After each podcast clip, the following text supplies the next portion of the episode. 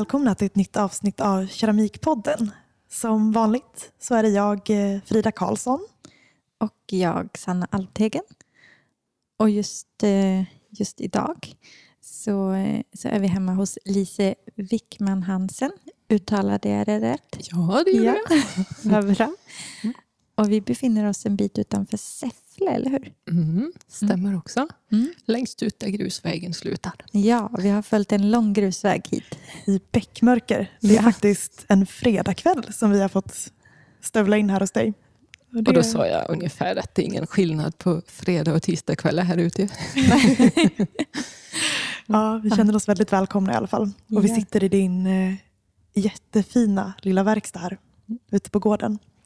Så ja, lite synd att vi missade den i dagsljus, men eh, det är väldigt fint här inne. Vi får ta lite bilder sen tror jag och, och visa de som, de som lyssnar.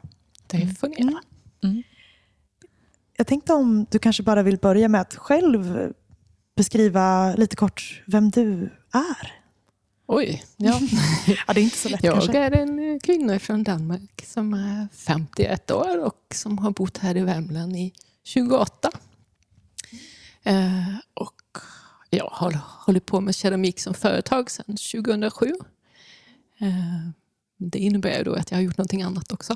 Ja. Eh, Så jag är agronom, en master i växtodling från Lantbruksuniversitetet. Då. Mm. Och har arbetat i många år med biologisk mångfald, så det är någonting helt annat. Mm. Mm, vad spännande. Men sen 2007 så är det keramik. Eh, Ja, då startade jag företag, men, då, men jag, i början så hade jag kvar mitt gamla jobb på halvtid. Ja. Mm.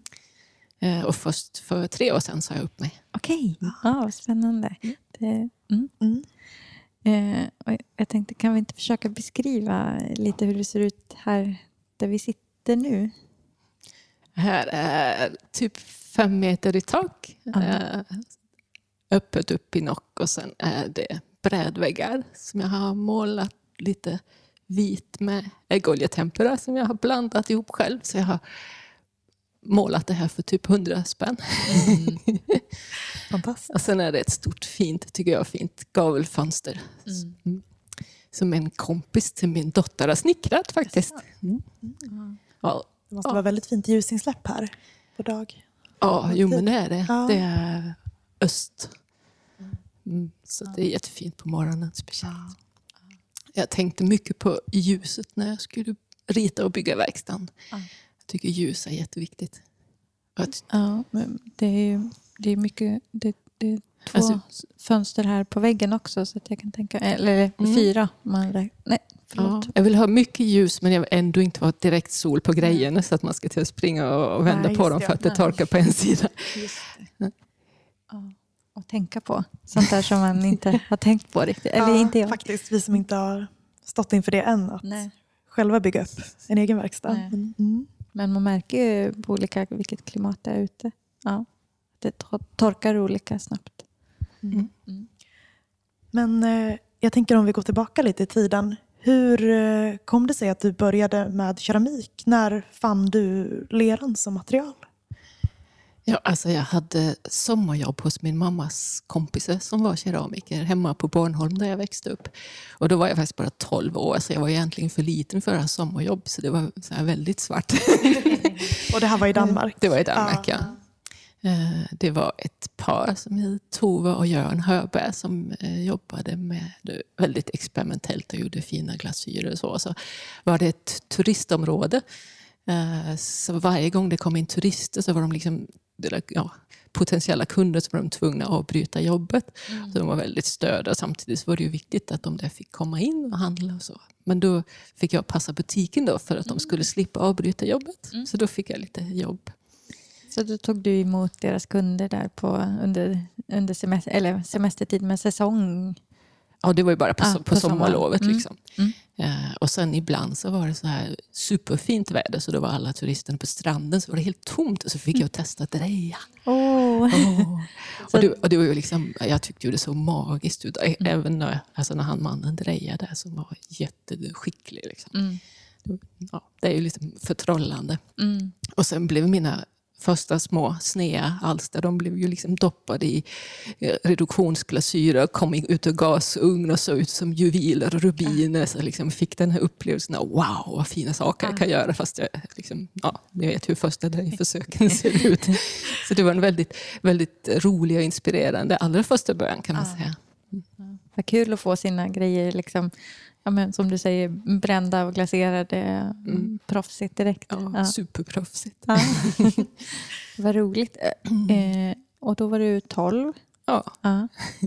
Och även året efter då höll jag på. Även, ja, precis. Mm. Och sen så gick jag lite så här studiecirklar och så här, men det var ju liksom bara hobby. För mm.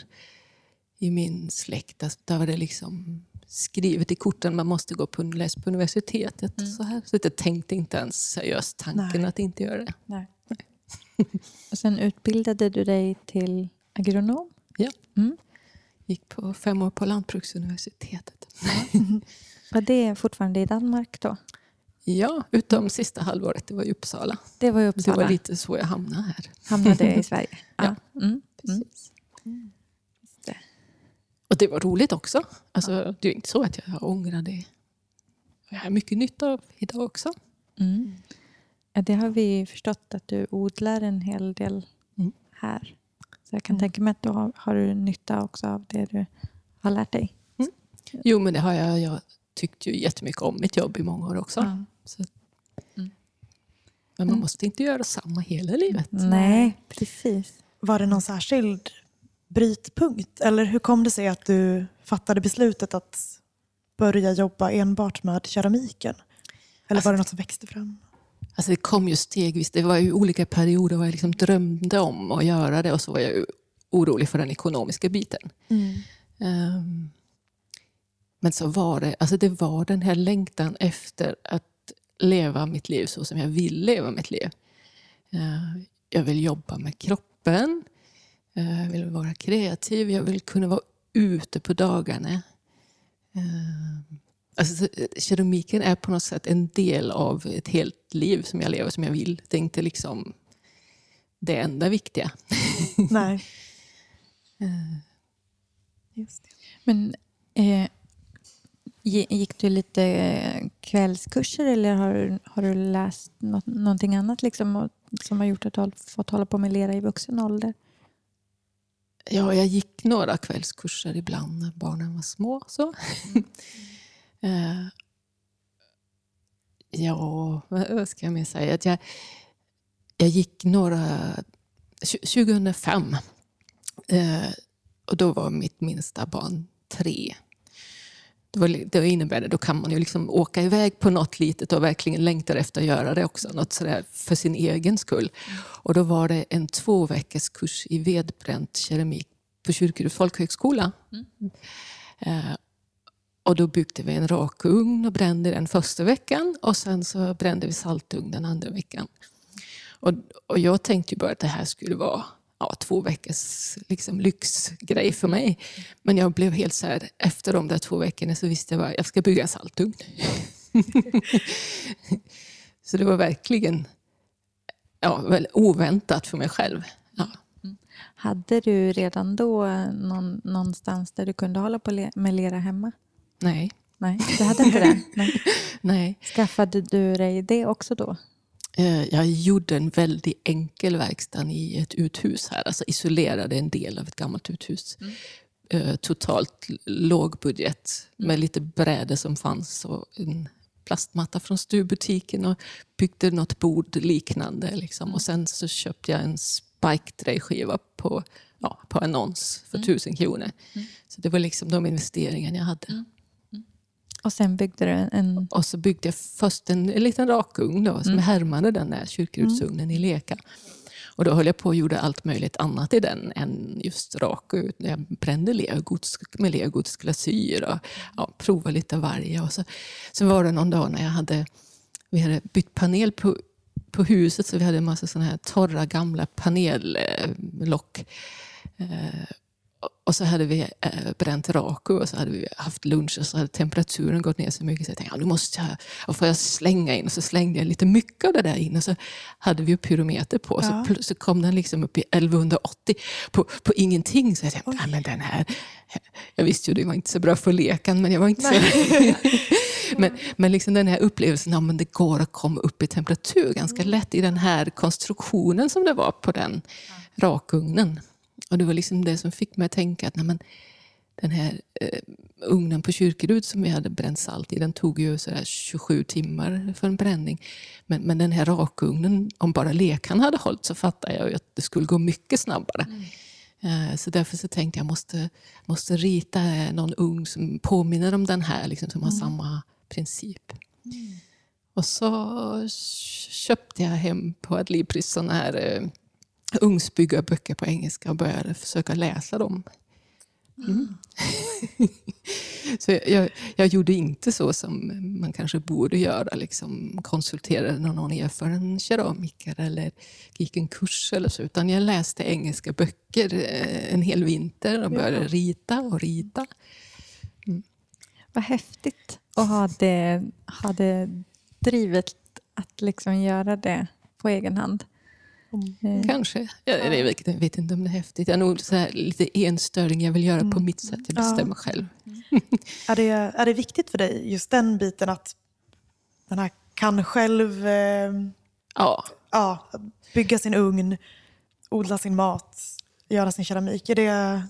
Det, ja. Jo, men det är det. Och, mm. och ännu mer själv. Jag vill själv bestämma hur jag lever mitt liv. Jag vill eh, vakna när jag vaknar av mig själv. Jag vill inte ha någon väckarklocka. Mm. Jag vill gå ut och gå i skogen när jag får lust med det. Och jag vill även kunna göra annat. Jag vill inte bli en drejmaskin. Så jag vill ja, odla om jag blir sugen på det. Mm. har det alltid varit så, tror du? För dig? Att det har varit viktigt? Jag tror att egentligen så har jag velat göra så. Alltså, i skolan när man skulle skriva uppsats, om man hade så här helt fritt ämne, vad heter det på svenska? Fristil på danska. Man får bestämma helt själv. Oh, det tyckte jag det var fantastiskt roligt. Men sen så blir man ju liksom i, i den här kulturen, man ska ju liksom vara duktig och så stiger man upp med väckarklockan och så gör man sina läxor och så ska man ha bra betyg i alla ämnen. Och så, här, så att man blir ju liksom inskolad i, mm. eh, ja, i att inte bestämma själv. Mm. Fast jag vill bestämma själv. Ja, och, och jag tänker sen, du, du som också haft ett man säger, vanligt jobb, mm, ja. eh, då, då är det ju också att man, man kanske måste vara på plats klockan åtta och gå hem klockan fem. Och, mm. Precis. Mm. Och jag blev ju nog också eh, mer och mer medveten om att jag säljer min tid. Mm. Eh, när jag hade varit där ganska många år. Jag säljer min tid och så kommer man hem och hur mycket ork har man kvar? Och, ja, du, så du, när du ställde frågan där om, om, om det var någon särskild punkt det var väl liksom när jag kom fram till att nej men, nu vill jag inte vara duktig längre, nu vill jag bestämma själv. Mm. Mm. Mm. Skönt.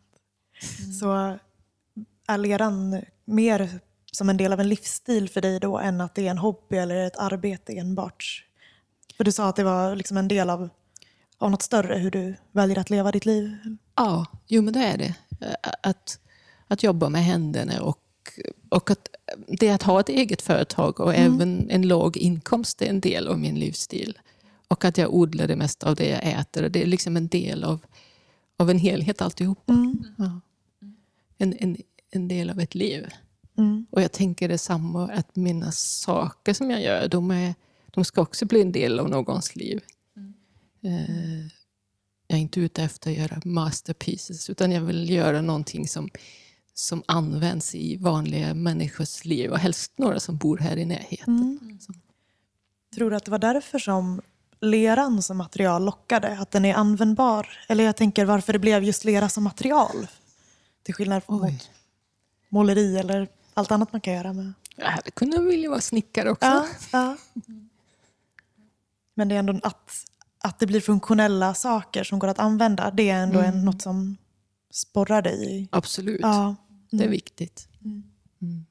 Eh, finns det någonting som, som gör att det blev just leran som du tycker om med leran? Det går liksom bra med leran. ja, du. Oj, vilken svår fråga.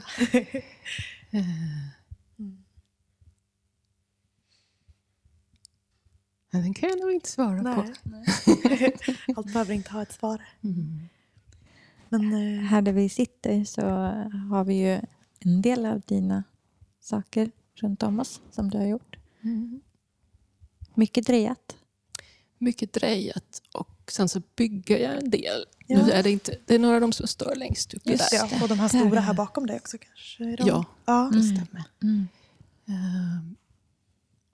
Det, är det mycket bruksföremål, eller hur? Ja, Mm. det är i princip bara bruksföremål. Ja, jag jag vill göra bruksföremål. Mm. Och jag tycker det, jag har lite svårt med den. Alltså, jag har brottats lite med det här med att göra saker i en värld där det redan finns alldeles för mycket saker. Vi liksom Mm. köper saker. Och, och då tänker jag att om jag, om jag gör saker som håller länge, alltså både rent fysiskt och att folk tycker om dem som de vill ha dem länge, då, då är det ändå okej. Eh, att, det är en, att köpa en relativt eh, dyr, jämfört med Ikea till exempel, en, en relativt dyr kopp är bättre än att köpa nya hela tiden. Absolut. Mm. Ja, det där är något som, som, eh, som vi också har brottats lite med. Mm. Just det här som du säger att, att tillverka saker till en värld som inte behöver fler saker. Mm. Men, men det är ett, eh, det är på något vis, vis ett tröstande sätt att se det på. Att ja, men det är i alla fall saker som, om man gör saker som kan hålla över tid. Mm. En revolt mot det massproducerade och Mm. slit och släng. Mm. Mm. Mm. Man, man kan ju också ibland göra saker som ersätter något sämre material. Alltså, gör man lock till burkarna så kan man ha, förvara mat i dem istället för att ha plast och Ja, det tänket. Just. absolut. Mm.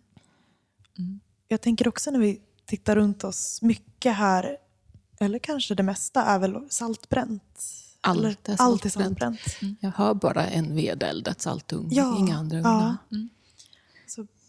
Så jag tänker, eh, för, för det var då när du gick kursen på Kyrkerud, det var så Mm. som du började med det saltbrända. Eh, För vi har ju inte möjlighet att bränna med salt på vår skola. Och jag är bara lite nyfiken på hur det, hur det går till. Jag tänkte om du bara ville berätta lite om processen. Ja. Eh, ni har ju vedugnar i alla fall, Det har så vi, det har ni det har provat. vi. Mm. Ja, det, det som skiljer en saltbränning det är ju att man stoppar in salt när man är uppe i temperatur. Jag brukar göra det när, när 1808 har gått runt 1240-50 någonting. Eh, Så har jag en, en liten sten som sitter lös i varje sida. Eh, Och så häller jag eh, fint salt i en, ett vinkeljärn och stoppar in det och häller av det. Och så bommar jag igen spjället nästan helt också. Under några minuter. Då, Mm. För att liksom hålla kvar saltet där inne. Eh, och då är det så varmt så att saltet delar sig i natriumklorid, delar sig i natrium och klorid. Ja. Och båda de är väldigt reaktiva. Och natriumet reagerar med ytan på leran och bildar natrium, aluminium, silikat som är en sorts glas. Eller det är glasyren då, saltglasyr. Eh, Så jag doppar inte saken i, i glasyr så som de flesta keramiker gör innan Nej, de stoppar nej. det i ugnen. Utan glasyren blir till på saken Ja. in i ugnen. Och är, är några föremål engoberade eller? eh, Ja, de flesta saker Ja. engoberar jag. Jag engoberar antingen, det mesta får bara kaolin då. Mm. Och så får det, lite beroende på vad det är för lera, så får det olika toner av orange eller lite rödaktigt, bronsaktigt. Så. Ja. Eh, Och sen så blir det, har jag även en blå och en svart som jag använder ibland. Är de engoberade? De som är engoberade. Ja. Mm. Eh, Det är, det är bara en porslinslera med lite koboltoxid i. Mm. Och det här kanske är en dum fråga, men jag ställer den. Det kanske är fler som undrar. Är det vanligt salt som Ja. vi annars har på bordet? Ja. Ja, det är Det är vanligt, salt. Det måste vara natriumklorid för det är just natriumet man vill komma åt. Så att om, man, om man tar vägsalt, eh, det är ibland en annan sorts salt. Så man får kolla om man köper storpack att det inte blir Ja. fel. Men jag köper vanlig finsalt Mm. eh, i affären, i mataffären. Mm. Och hur mycket salt går åt till en bränning ungefär? Eh, Det är lite olika beroende på vad det är jag vill ha för uttryck. Eh, Mm. Men oftast runt tre kilo. Mm. Eh, Du Och hur, hur mycket rymmer din ugn då? Hur står det där? Eh, 500 liter. Mm. Mm. Så eldar jag upp ungefär en kubikmeter ved varje Mm. gång också. Mm. Så man kan säga att det, det är ganska arbetsamt sätt som jag Ja, tillverkar min keramik på. ja precis. Och, och hur, länge, hur, hur, länge, hur lång tid tar det innan du kommer upp i liksom topptemperatur på din ugn? Eh, ja, om jag börjar vid sju på morgonen så kanske vid tre på eftermiddagen. Någonting. Mm. Har du skröjbränt innan? Nej. Nej, Eh, jag har ingen elugn att skröjbränna i. Nej. Eh, Men den första delen av bränningen blir ju en skröjbränning så jag går långsamt upp går ungefär långsamt upp. 150 grader i timmen. eh, Upp till 1000. Och sen då vid tre på eftermiddagen, hur länge till eldar du? Eh, Alltså jag håller på att salta under, under ungefär en timme med ett halvt kilo åt gången eller lite mindre ibland. Eh, Och så eldar jag upp ugnen med några inkast emellan de här saltningarna så att jag inte tappar för mycket temperatur. Så det tar ungefär en timme eller en och en halv att salta. Och så brukar jag elda i ungefär en timme till efteråt. Eh, Alltså när jag saltar så ligger temperaturen runt 1250 och svänger. Men sen vill jag upp i 1300, 1811 innan jag är färdig. Och brukar ligga där uppe runt ja, tre kvart eller något sånt där. Ja. Och ungefär hur många bränningar brukar du hinna med på typ ungefär ett år? Går att säga? Eh, ja. ja, jag bränner ungefär sex gånger om året. Så det är Ja. ungefär varannan månad. Mm. Ja, en hel del jobb inför då, med vedhuggning och Ja, hela det- processen och packning. Och, ja. Mm, jo, men det, är- det är ju mycket mer jobb än hvis man har en, en ugn med automatik och så vidare. Ja, vi pratade lite om det i bilen att det, visst det är mycket mer jobb med vedeldning men man känner sig också så himla nära det man gör och materialen. Och att, visst det är skönt att packa en oxidationsugn, trycka på knappen och komma tillbaka efter ett och ett halvt dygn. Mm. Men samtidigt får man ju en ganska stor distans till vad som har skett där inne. Man har själv inte varit närvarande på det sättet. Det, Alltså jag tycker ju väldigt mycket om eldandet. Mm. När man liksom stiger upp där tidigt på morgonen och går ut och sitter och feseldar. Och så är det så här tyst och fint. Och sen ett antal timmar senare så brakar det. loss. Ja. Alltså det, är ganska, det, det är meditativt på ett sätt. Alltså på ett sätt är det ju slitsamt. Men det är också meditativt eller avkopplande för man kan liksom inte göra någonting annat. Så man Nej. får, man får liksom koncentrera sig på en sak. Hur ofta kan man få göra bara en sak en hel dag? Eh, Även när, när mina barn inte hade flyttat hemifrån så kunde det liksom vara, de vet att man kan, hon kan inte skjutsa till någon kompis, hon kan inte göra något, jag kan inte laga mat. Hon är bara där. Så det, det är liksom ganska lyxigt att elda Ja. en hel dag. Ja, jag följer ju dig på, på Instagram och har sett lite när du, när du sitter och eldar. Det, mm, det ser väldigt, väldigt mysigt ut. Ja, men det är som du säger att det är sällan kanske, kanske, kanske vi får vara bara på ett ställe. Att, eh, ja. En bra ursäkt att bara, bara vara. Ja. Fast jag får erkänna, att det där ni pratar på med automatik, det låter lite skönt ibland också.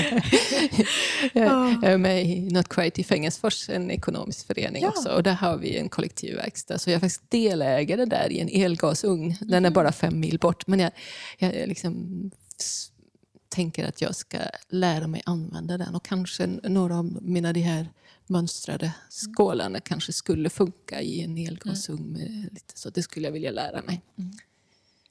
Du har aldrig haft en elugn? Nej. Nej.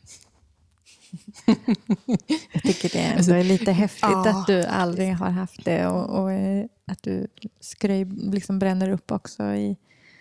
Kanske någon sorts envishet. Nej, men, Ja. ja. men det, var ju många, det var ju flera som sa det, men du måste först skaffa en elugn. Men om jag nu inte vill göra elugnsbrända saker, varför ska jag då skaffa en elugn? Ja, vi var ju inne lite på det. Du är uppvuxen i, i Danmark, eh, hade, studerade en period i Uppsala. Men varf, hur, hur kom det sig att du hamnade i Värmland till slut? ja. Det var en märklig historia. Nej, men, eh, jag träffade ju mina döttrars pappa i Uppsala. Mm. Och, eh, när vi sen skulle ha barn, då bodde vi, jag bodde i Köpenhamn och han bodde i Gävle. Och så bestämde vi att nej, men vi måste nog hitta någonstans att bo. Mm. Och så letade vi efter någonstans att bo som vi hade råd med. Eh, och som var i närheten av några kompisar. Så vi åkte runt alla möjliga kompisar som vi kände. och eh, så hamnade vi i Värmland. Mm. Så det, det, var inte, ingen av er som hade någon anknytning hit egentligen? Nej, in, inte annat än han hade ju några kompisar någon kompis. här. Mm. Mm. ja, vad häftigt. Ibland så gör man saker i livet där man inte förstår då hur stor betydelse det kommer att ha. Mm. mm. mm. Först när man blickar tillbaka. Ja. Mm.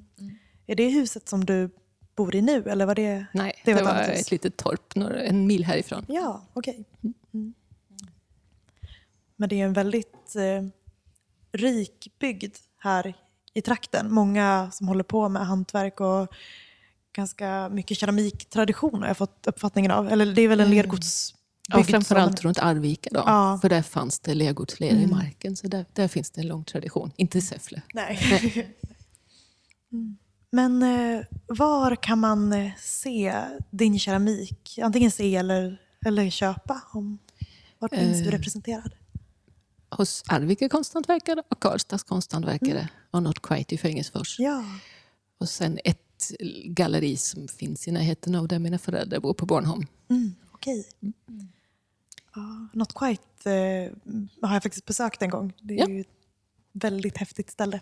Verkligen. Det är väldigt roligt att vara med där. Ja. Det händer mycket. Det förstår jag. Vart låg det? I... Det ligger i um, Fängerfors. Det är ju... Fängersfors, det är ja, två mil väster om, ja. om Åmål. Är det Dalsland? Det är Dalsland. Mm, bra. Det är gränsen till Säffle kommun. Det är inte så långt. ja. Mm. ja, det är väldigt häftigt. Det är en gammal... Vad är det för industri det har varit? Det, är... det har varit ett pappersbruk. pappersbruk. Mm. Och så stod lokalerna tomma och så var det tolv stycken som hade gått på Stenebyskolan som startade Not Quite. Ja. För sådär typ 14 år sedan. Mm. Eh, jag var ju med sedan 2007 och då tror jag jag var den 15 medlemmen och nu är vi 65. Oj, Oj wow. Mm. Nu kom jag på. Mm, ja, kör vind. Jag har, tolkat det som att du är ganska in, eller att du är inspirerad av naturen. Och du nämnde också att ibland måste du få gå ut i skogen. Ja, det stämmer. Kan inte du berätta hur det hänger ihop? Jo, Nej, men det så har jag läst mycket botanik, så jag har alla de där bilderna och även alltså, från mina studier så har jag sån här växtsystematik och, och, och, bilder på celler och så, så, så. hela den bildvärlden finns ju med. Mm. Men sen så tittar jag väldigt mycket när jag är ute och går. Jag, jag är ute och går långt varje dag, eller långt, så mm. en och en halv timme i alla fall minst. Mm. Eh, och då får jag hela tiden syn på nya saker. Alltså jag kan gå samma promenad varje dag så kan jag komma hem och vara alldeles lyrisk eller eh, full av idéer eller bara jätteglad eller någonting. Eh, ja, över något strå som, som stod på något sätt längs vägen. Eller eh, eh, ja, mossan som var en speciell grön färg för att det hade regnat och det rann i diket. Och, så jag hittar väldigt mycket ute, det gör jag. Mm. Sen, sen det, ja, ibland så, så tar jag till och med växterna och trycker in dem i ytan också, men, mm. men för det mesta så är det väl mer mm, ja, mer bara en indirekt inspiration. Jag vet inte. Det ingår också i det här livet som jag lever, som jag vill leva det, att jag går och tittar på även på arter. Alltså jag och du, du följer mig på Instagram, mm. där kanske du ser det. En larv och skalbagge och, och fjäril och ja. sånt där. Så jag, jag, jag har ju jobbat med biologisk mångfald och jag, jag lägger märke till om det är någon ny art som jag inte har sett förut. Ja. Mm. Jag tycker att det är vik, viktigt. Mm. Jag tänker på dina knappar som du har gjort. Jag tänkte om du ville berätta lite vad det är som faktiskt skapar det mönstret. För det tyckte jag var så häftigt ja, när jag det. såg dem första gången. Uh, det, var, det är egentligen ett vedträ här utifrån och som är ifrån en ask som växte här i trädgården som var lite röten. Och uh, när barken föll av så var det jättefina mönster i ytan på den här det här V-klubben. Det var faktiskt min eh, dåvarande man som kom till mig med den. Du tycker ju om struktur, är det här någonting? Ja. Sen så pratade jag med en kompis som är väldigt bra på artnöderi Ja. så jag fick reda på att det var en askbastborre. Askbastborre. askbastborre. Inte samma art som en granbarkborre. Mm. Så ni kollabade lite där, du och Vi, vi samarbetade, Ja. jag och askbastborren. Så jag har tryckt, jag har gjort både halsband och knappar när jag har tryckt Ah. in det där i ytan. Så trodde jag att jag hade hittat på något alldeles speciellt. Och så hade min kollega, keramiker i Fengersfors, hon hade gjort örhängen med något askbastborre eller något annat. Man är aldrig först med någonting. har man fått inse. Nej. Eller väldigt sällan i alla fall. Ja. Ja, det är väldigt fint att, att naturen verkligen får komma in i din keramik på olika sätt. Man, eller organiska former eller så konkret, liksom det avtrycket som den har lämnat. Och, Mm. Mm. Sen kan det bara bli dåliga kopior. Ja. Originalet är bättre. ja, det, ibland är det svårt att överträffa det som, det som naturen har gjort. Men, mm. Verkligen. Ja, vad, vad fint det var att höra dig berätta om det. Eh, och jag tänker, vad härligt att ge sig själv en och en halv timme i skogen varenda dag. Mm. Det var något av det. Alltså när, jag, när jag sa upp mig så gjorde jag ett anställningsavtal med mig själv. För Ja. nu är jag min egen chef. Ja. Eh, och då var en av, en av mina arbetsvillkor det var eh, friskvård på arbetstid varje dag. Ah. Mm. Vad vad- Gud, vilket, ja. vad bra att göra ett avtal med sig själv. Ja. Jag bestämde också att jag skulle ha två fridagar, två lediga dagar i veckan. Mm. Eh, och några saker till. Det enda jag inte har varit helt nöjd med min chef om det är lönen. Försöker du löneförhandla lite ibland? ja, fast jag... jag ja, ja. Men, men det, kan, det, låter, eh, det låter ändå smart. Då, då vet du att om du vill förhandla upp lönen så kanske din arbetsgivare måste kompromissa med att det, blir bara en halvtimme om dag friskvård. Ah, det går inte. Nej, Nej. precis. Och, Nej. och då är du, Då är då man är du, med det. då är du liksom. istället okej med lönen för att du har de här andra förmånerna. Mm. Alltså, i, I mångt och mycket så trivs jag med den låga lönen. Mm. Alltså, det känns rätt för mig Mm. att, att leva på lite pengar. Mm. Ehm. Ja, alltså, jag odlar det mesta av det jag äter. Och så kanske jag handlar mat för 500-600 på en månad. Mm. Så. Ehm. Och så tänker jag också att när jag har mycket mindre pengar så konsumerar jag mindre och det känns också rätt för mig. Mm. Ehm, och de sakerna jag tycker allra mest om att göra, mm, de är typ gratis. Vandra, bada, dansa, umgås med kompisar. Mm. Så det, det är inte mycket jag försakar. Alltså. Ehm, och jag ja, kanske lever på ungefär 40 procent av den lönen jag hade när jag jobbade som agronom. Mm. Men livskvaliteten behöver inte vara sämre för den sakens skull. Den är ju betydligt bättre Ja. skulle jag vilja påstå. Ja. Vad fint att höra. Det ibland blir man ju avrådd från att välja keramiker som yrke. Mm. Och visst, om pengar är det viktiga, då har väl de personen, personerna rätt. Men det är skönt att höra att visst, man får kompromiss, kompromissa med vissa saker i livet, men att beroende på ens värderingar och vad man värdesätter, att Mm. det behöver inte vara helt fel. Det finns väl keramiker som har högre löner än mig också. Ja. Men, men eh, alltså, om man vet med sig själv att, att man inte skulle tycka att man hade ett gott liv om inte man fick resa till Thailand på semester eller om, om ens bil började se gammal och ful ut. Liksom, då, då skulle det ju kännas som en sämre livskvalitet.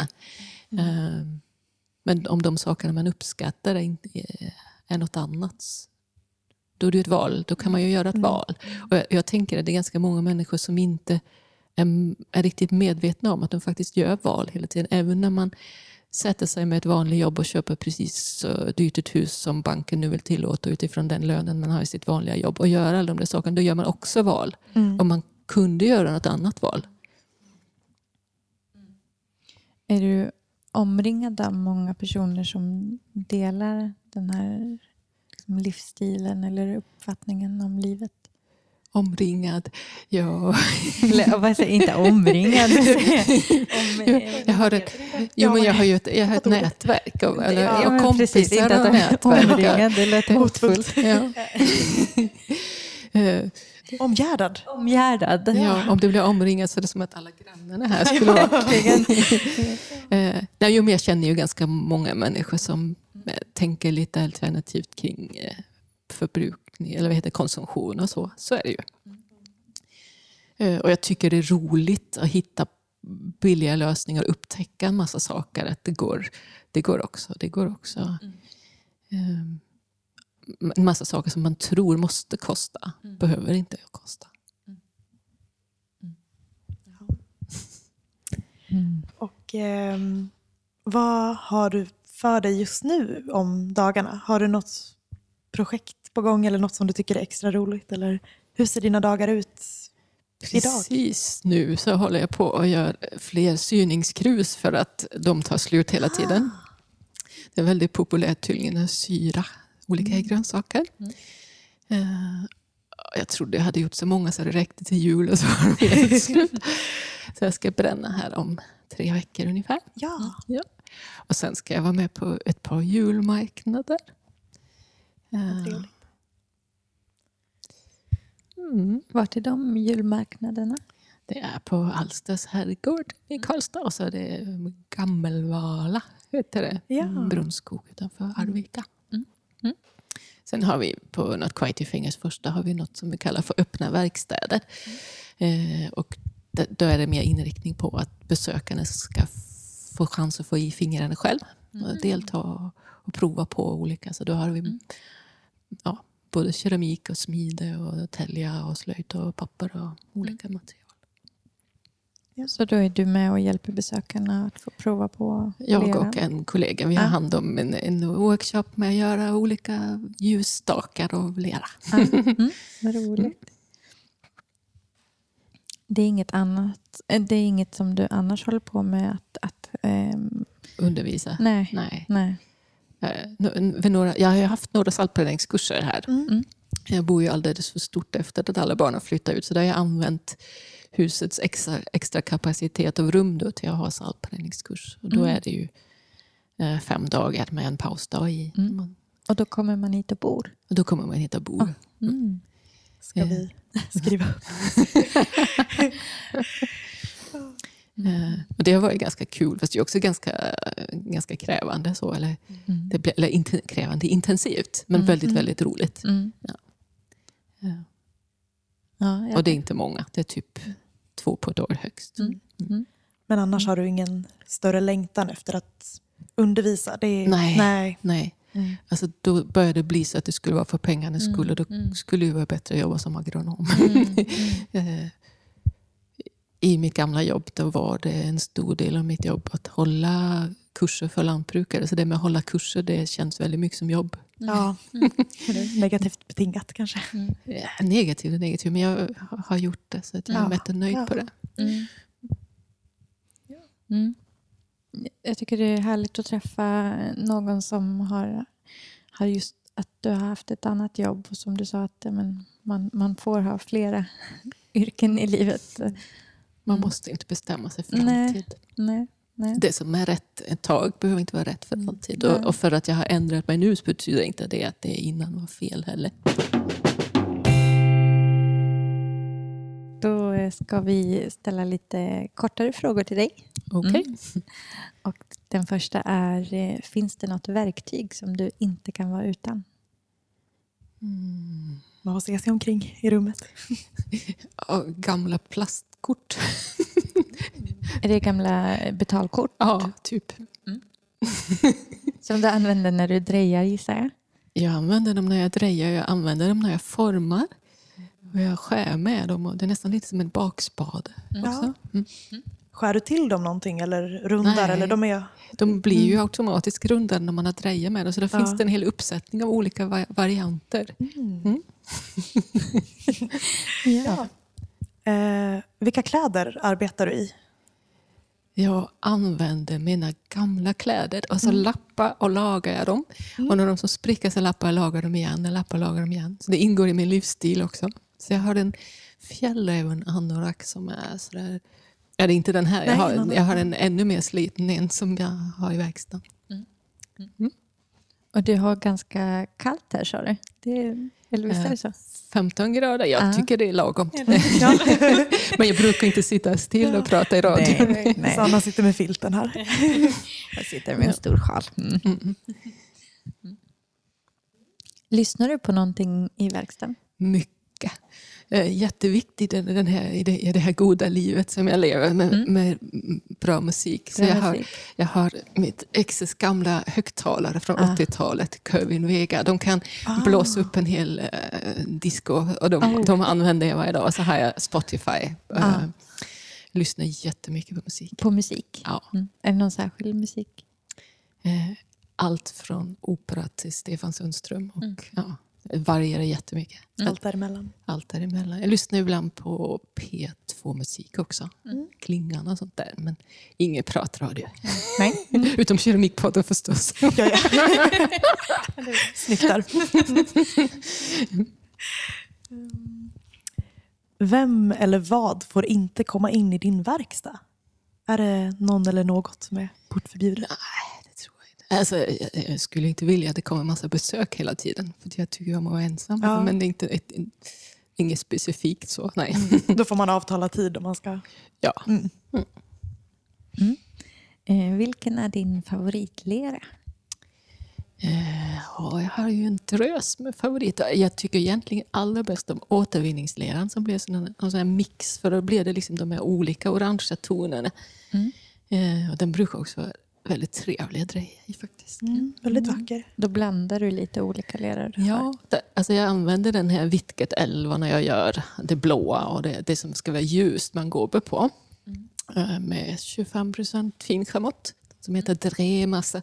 Men så har jag också någon sån här Potclays 1110. Den tål inte riktigt så hög temperatur men den använder jag på, på de där. Och sen porslinsleran. Men sen har jag den som heter... Den heter Earthstone och så är den i röda påsar.